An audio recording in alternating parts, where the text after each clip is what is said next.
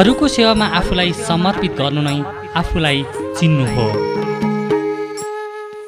महात्मा गान्धीको यो प्रेरक भनाइसँगै यहाँहरूलाई स्वागत तथा अभिवादन गर्दछु। नलेखेका जिउँदा इतिहासको सङ्गालो साप्ताहिक रेडियो कार्यक्रम मेरो जीवनमा प्राविधिक मित्र दाने बोहरासहित म नवराज महतरा।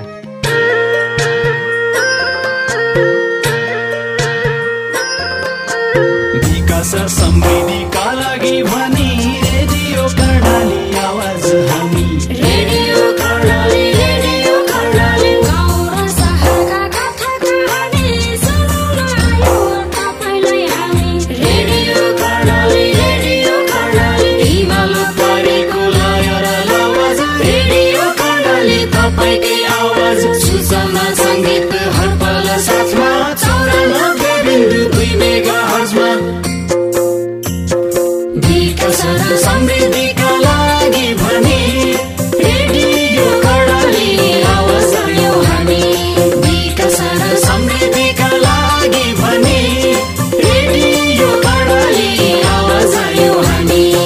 सामुदायिक रेडियो कर्णाली आवाज एफएम चौरानब्बे थोप्लो दुई मेगाहज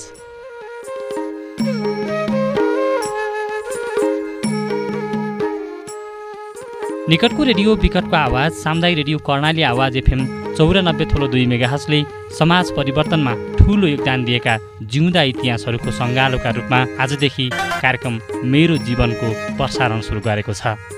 यो कार्यक्रम हाम्रो फ्रिक्वेन्सी चौरानब्बे थोलो दुई मेगाहाट सँगसँगै हाम्रो अनलाइन प्रसारण W W W dot radio Karnali Awaaz dot com र हाम्रो पात्रमा समेत तपाईँ संसारभर सुनिरहनु भएको छ। भौगोलिक विकटता सामाजिक तथा राजनीतिक विषमताका बीच जिल्लाको राजनीतिक आर्थिक सांस्कृतिक र सामाजिक परिवर्तनमा अमूल्य योगदान दिएका अग्रणी व्यक्तित्वहरूको जीवनको वास्तविक भोगाइलाई दस्तावेजका रूपमा यहाँहरू समक्ष प्रस्तुत गर्ने जमर्को हामीले गरेका छौँ। कार्यक्रम मेरो जीवन। तपाईँ हरेक साताको आइतबार राति साढे आठ बजीदेखि नौ बजीसम्म सुन्न सक्नुहुनेछ र यसको पुनः प्रसारण बुधबार बिहान साढे सातदेखि आठ बजीसम्म सुन्न सक्नुहुनेछ। रेडियो कार्यक्रम मेरो जीवनमा जिल्लाका अग्रणी व्यक्तित्वहरूको जीवनको वास्तविक भोगाई उहाँहरूको आफ्नै आवाजमा हामी प्रस्तुत गर्नेछौँ। कार्यक्रम मेरो जीवनको पहिलो जीवनको भोगाई हामी जिल्लाको राजनीतिक सांस्कृतिक सामाजिक तथा आर्थिक परिवर्तनमा विभिन्न आरोह अवरोहसँग जुझ्दै आउनुभएका सिमकोट गाउँपालिका वार्ड नम्बर तिन तोर्पाको खोरगुम्बाका छवाङ लामा अर्थात् छक्कबहादुरको जीवनबाट सुरु गर्ने जमर्को गरेका छौँ।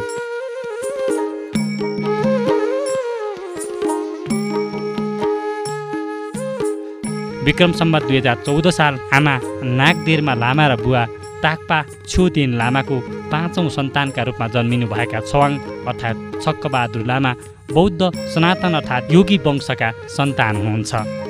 बौद्ध धर्मको पूजाआजादेखि अन्य सबै तान्त्रिक काममा संलग्न बुवाको प्यारो सन्तानका रूपमा रहनुभएका छक्कबहादुर सानैदेखि अध्ययन र खोज अनुसन्धानमा रुचि राख्ने स्वभावको हुनुहुन्थ्यो। बुवाको विशेष प्रेरणा र स्कुलिङले तिब्बतियन नेपाली हिन्दी र अङ्ग्रेजी भाषाका विभिन्न पुस्तकको अध्ययन गरेका लामाको जीवन कसरी व्यतीत भयो? यसको विस्तृत विवरण उहाँकै आवाजमा हामी यहाँहरू समक्ष आजदेखि प्रसारण गर्ने जमर्को गरेका छौँ। प्रस्तुत छ। हुम्लाबाट प्रतिनिधित्व गर्नुभएका सांसद छक्कबहादुर लामाको जीवनको पहिलो भाग कार्यक्रम मेरो जीवनमा उहाँकै आवाजबाट। मेरो दुईवटा नाम छ अहिले होइन? सुरुको मेरो जन्मजात नाम चाहिँ मेरो बुवाले राख्नु भएको त छङ बहादुर हो। अनि त्यसपछि अहिले छक्क बहादुर भनिरहेछ। त्यसको पनि कारण छ। मेरो नाम चाहिँ छङ बहादुर हो। म चाहिँ तपाईँको चाहिँ खोरगुम्बा अब खोरबा भनेर भनिन्छ। खोरगुम्बामा जन्मेको। तोर्पा गाउँ बरगाउँ गाविस त्यतिखेरमा जन्मेको मेरो चाहिँ बुवा चाहिँ वंशगत लामा हुनुहुन्छ। त्यहाँको र वैजी पनि हुनुहुन्छ वैद्य। मेरो सन्तान चाहिँ तपाईँको लामो समय निङमापा लामा भन्छ। निङमापा भनेको बुद्ध धर्मको तिब्बती बुद्ध धर्मको एउटा शाखा हो पुरानो शाखा सनातनी। निङमापा लामाको एउटा चाहिँ वंशानुगत लामाको छोरामा जन्मेको म। र वास्तवमा नेपालीमा बन्यो हो भने म चाहिँ हाम्रो भोटे भाषाबाट झोवा भन्छ मेरो क्लान चाहिँ क्लान भनेको वंश। र नेपालीमा त्यो झोवालाई अर्थ मैले अनुसन्धान गर्ने सिलसिलामा के पत्तो लाग्यो भने झोवा भनेको नाथ रहेछ। नाथ वंशमा म जन्मेको हो योगी हो योगी वंशमा। अनि मेरो बाजे चाहिँ तपाईँको कुशक लुम्बो लुम्बो भन्छ तिब्बती भाषामा। मेरो बाजे चाहिँ तपाईँको कुइसक लुम्बो भनेको कुइसक भनेको रेस्पेक्ट तपाईँको आधार गरेको शब्द। मिस्टरलाई चाहिँ रेस्पेक्ट गरेपछि श्रीमानलाई रेस्पेक्ट गर्ने शब्द हो। कुइसक भनेको भोटे भाषामा। अनि लुम्बो भनेको उहाँ चाहिँ तपाईँको प्राणायाममा योगा प्र्याक्टिस गरेर योग एकदम योग सिद्ध भएको चाहिँ बाजे हो। मेरो बाजेको बारेमा तपाईँको चाहिँ यो खोच्यानाथमा पनि उहाँले चमत्कारहरू देखाएको होइन?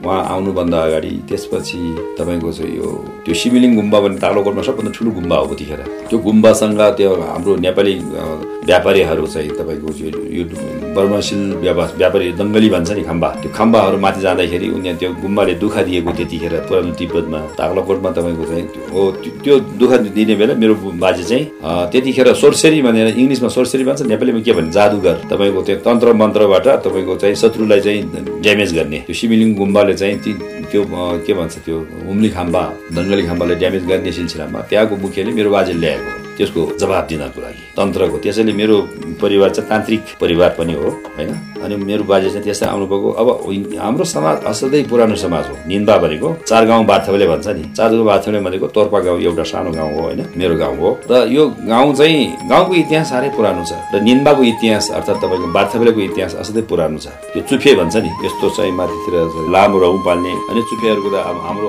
त्यो ड्रेस नै अर्कै हुन्छ कि? उनी उनी ड्रेस। असाध्यै पुरानो आदिवासी जस्तै तपाईँको यहाँको खस जति पुरानो छ त्यतिकै पुरानो यो जाडहरू छन्। तपाईँहरूको यो खस शब्दमा जाड भनेको अलिकति हामीले गिज्याएर बोल्ने चाहिँ भाषा हो नि। जाड भन्छ नि।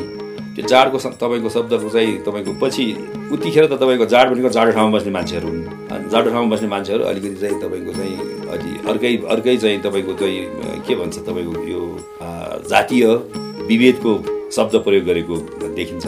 तर पनि यो ऐतिहासिक रूपमा त्यसको तपाईँको चाहिँ अर्थहरू असाध्यै महत्त्वपूर्ण छ। जाड खस भनेको। खस पनि त्यही त हो नि होइन? र यी दुवै असाध्यै पुरानो हुम्लाको चाहिँ ऊ हो त्यो जाति हो त्यो। त्यसरी मैले भन्न खोजेको यो निन्बाको निन्बाको सिलसिलामा मैले भन्न खोजेको निन्बा असाध्यै पुरानो आदिवासी जाति हो। हुन त यो भोटे हो। त्यो भोटे बोर्डमा पाउँदैन अहिले बुझ्नु न कि? यो हिमालय यस्तो खो हिमालय चाहिँ यस्तो राम्रो तपाईँको यो ठाउँ हो किनभने दक्षिणमा तपाईँको तराईको फाँटहरू फाँटहरू छन् नि ठुला फाँट छन्। इन्डिया इन्डियाको त्यो त्यो गङ्गाटिक प्लेन एरिया भन्छ नि ठुलो मैदान। र उत्तरमा चिसो पठार तिब्बती मैदान। त्यो बिचमा जुन हिमालय छ त्यो हिमालय भनेको त असाध्यै महत्त्वपूर्ण तपाईँको अहिले तपाईँ हामी मानव जातिको बारेमा उनीहरूको कल्चरको बारेमा हामीले खोज्नु पर्यो भने हिमालयमा असाध्यै पुरानो पुरानो मान्छेहरू आदिवासीहरूको बस्ती यहाँ पाउँछ। यो लिभिङ म्युजियम जस्तै हो। त्यसबाट ती मध्येको एउटा असाध्यै पुरानो जाति निन्बा जाति हो। तर मेरो परिवार चाहिँ नयाँ हो त्यो निन्बा जातिमा किनभने निन्बाहरू यो दामी जाँग्री मान्ने मान्छेहरू हुन् प्रकृति पूजा गर्ने होइन अगाडि। र तिनीहरू बुद्ध धर्मभन्दा पुरानो मान्छेहरू हुन् ती। र त्यसमा मेरो मेरो बाजे चाहिँ बुद्ध धर्म ल्याएर आएको र उनीहरूको चाहिँ पण्डितहरूमा जसरी खसमा बाहुन आएछ नि तलबाट। बाहुनले उनीहरूलाई हिन्दूकरण गरिदियो। तर अझै पनि त्यो हुबहु रूपमा हिन्दू हुन सकेको छैन नि। हो त्यही ढङ्गबाट हाम्रो चाहिँ त्यो निन्बामा चाहिँ तपाईँको चाहिँ यो बुद्ध धर्म ल्याएर उ गर्ने चाहिँ मेरो बाजे चाहिँ देखिन्छ।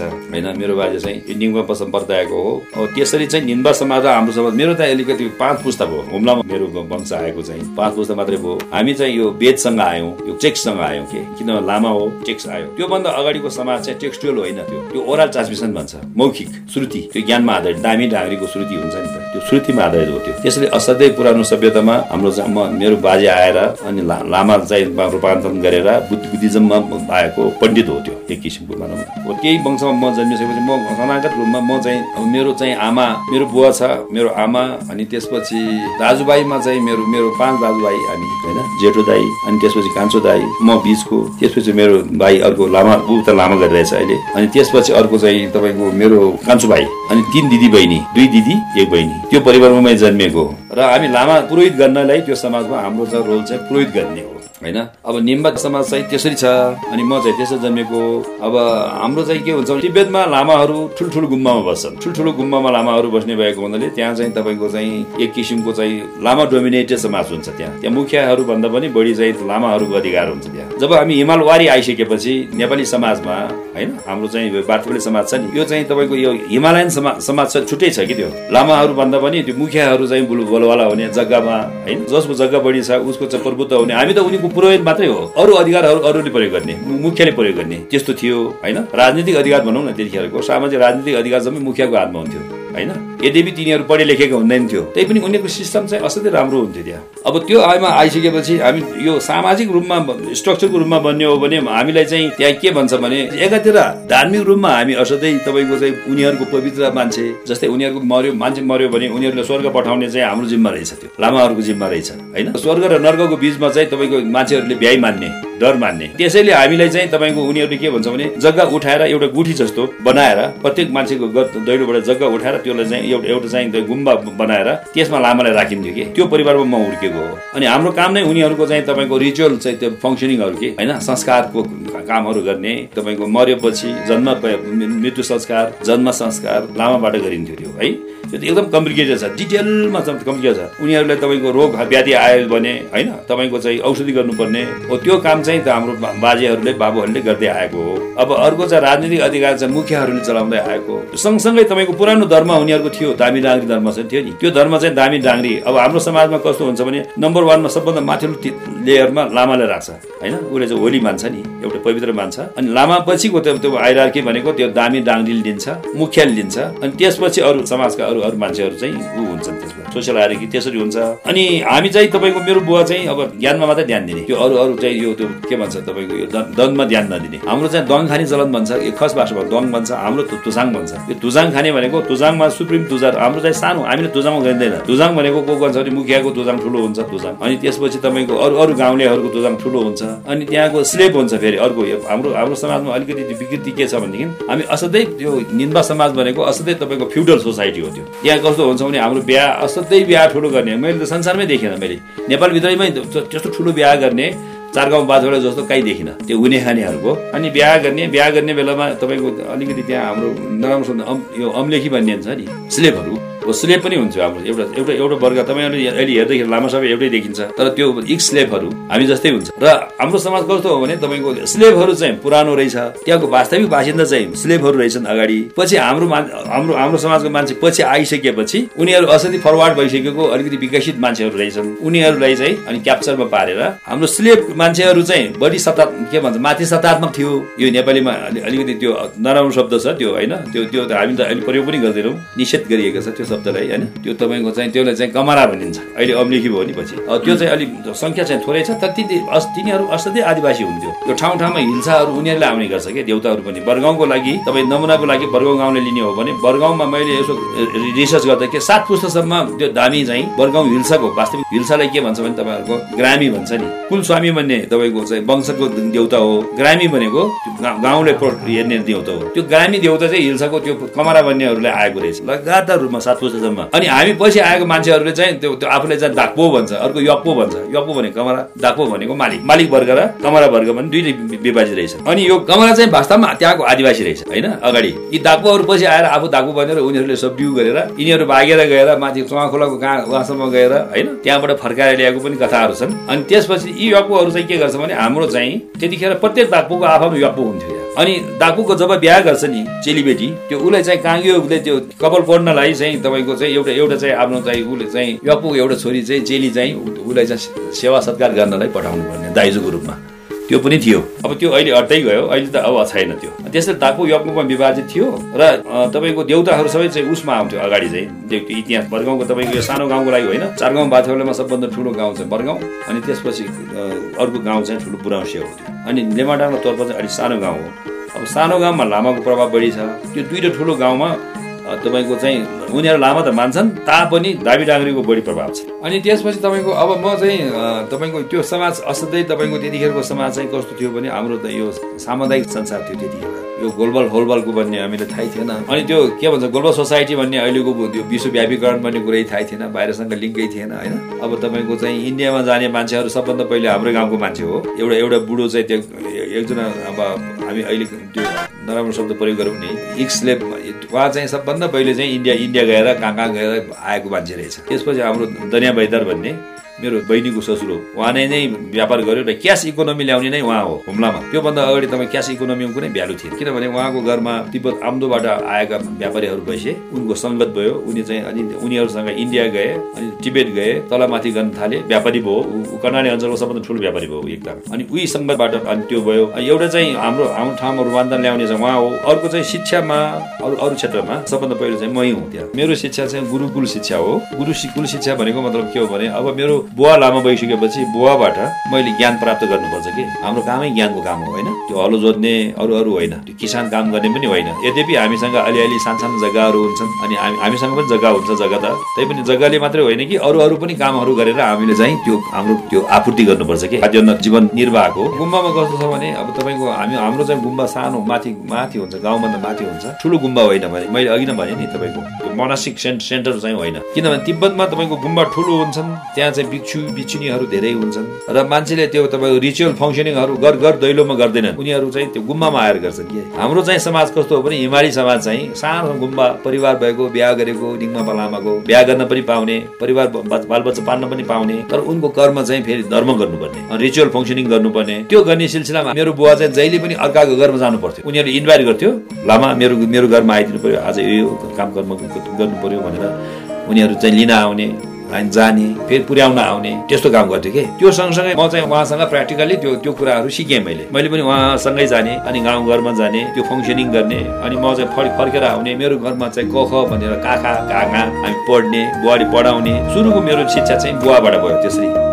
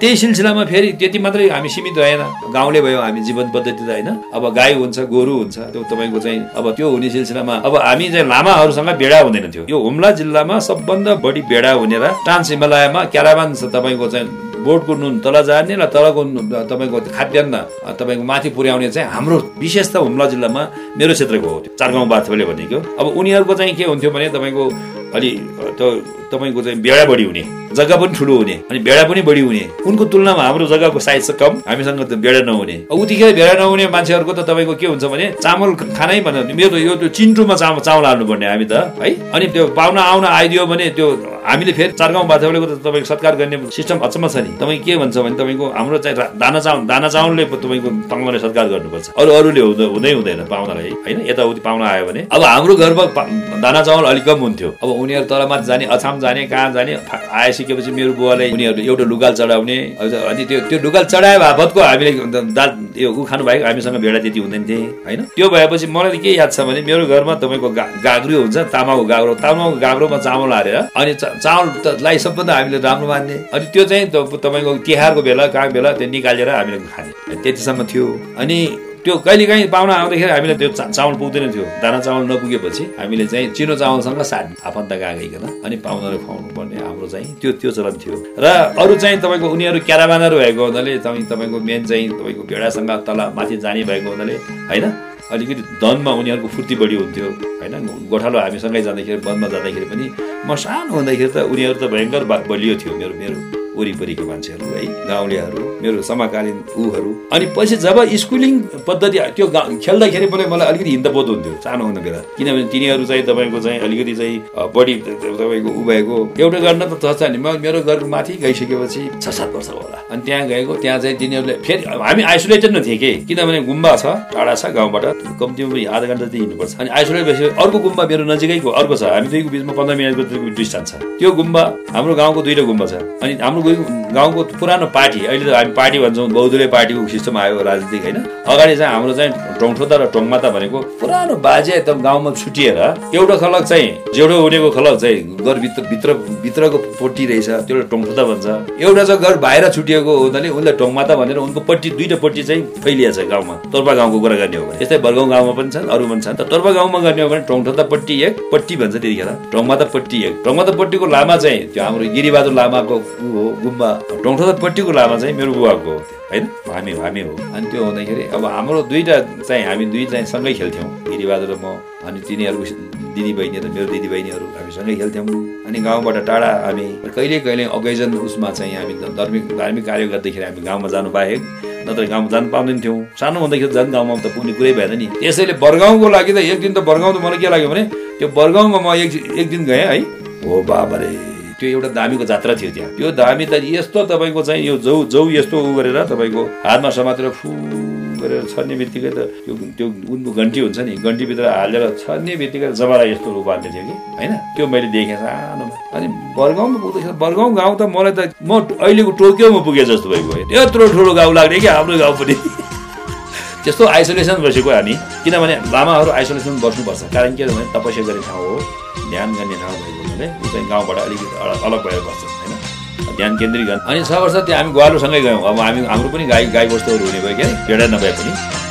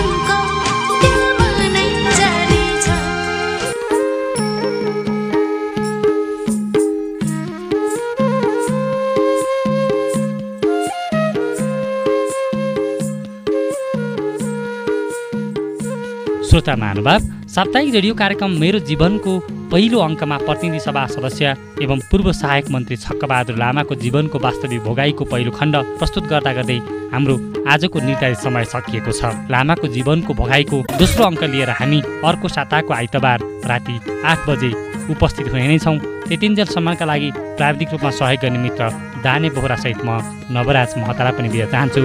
नमस्कार तपाईँको बाँकी समय शुभ बितोस्।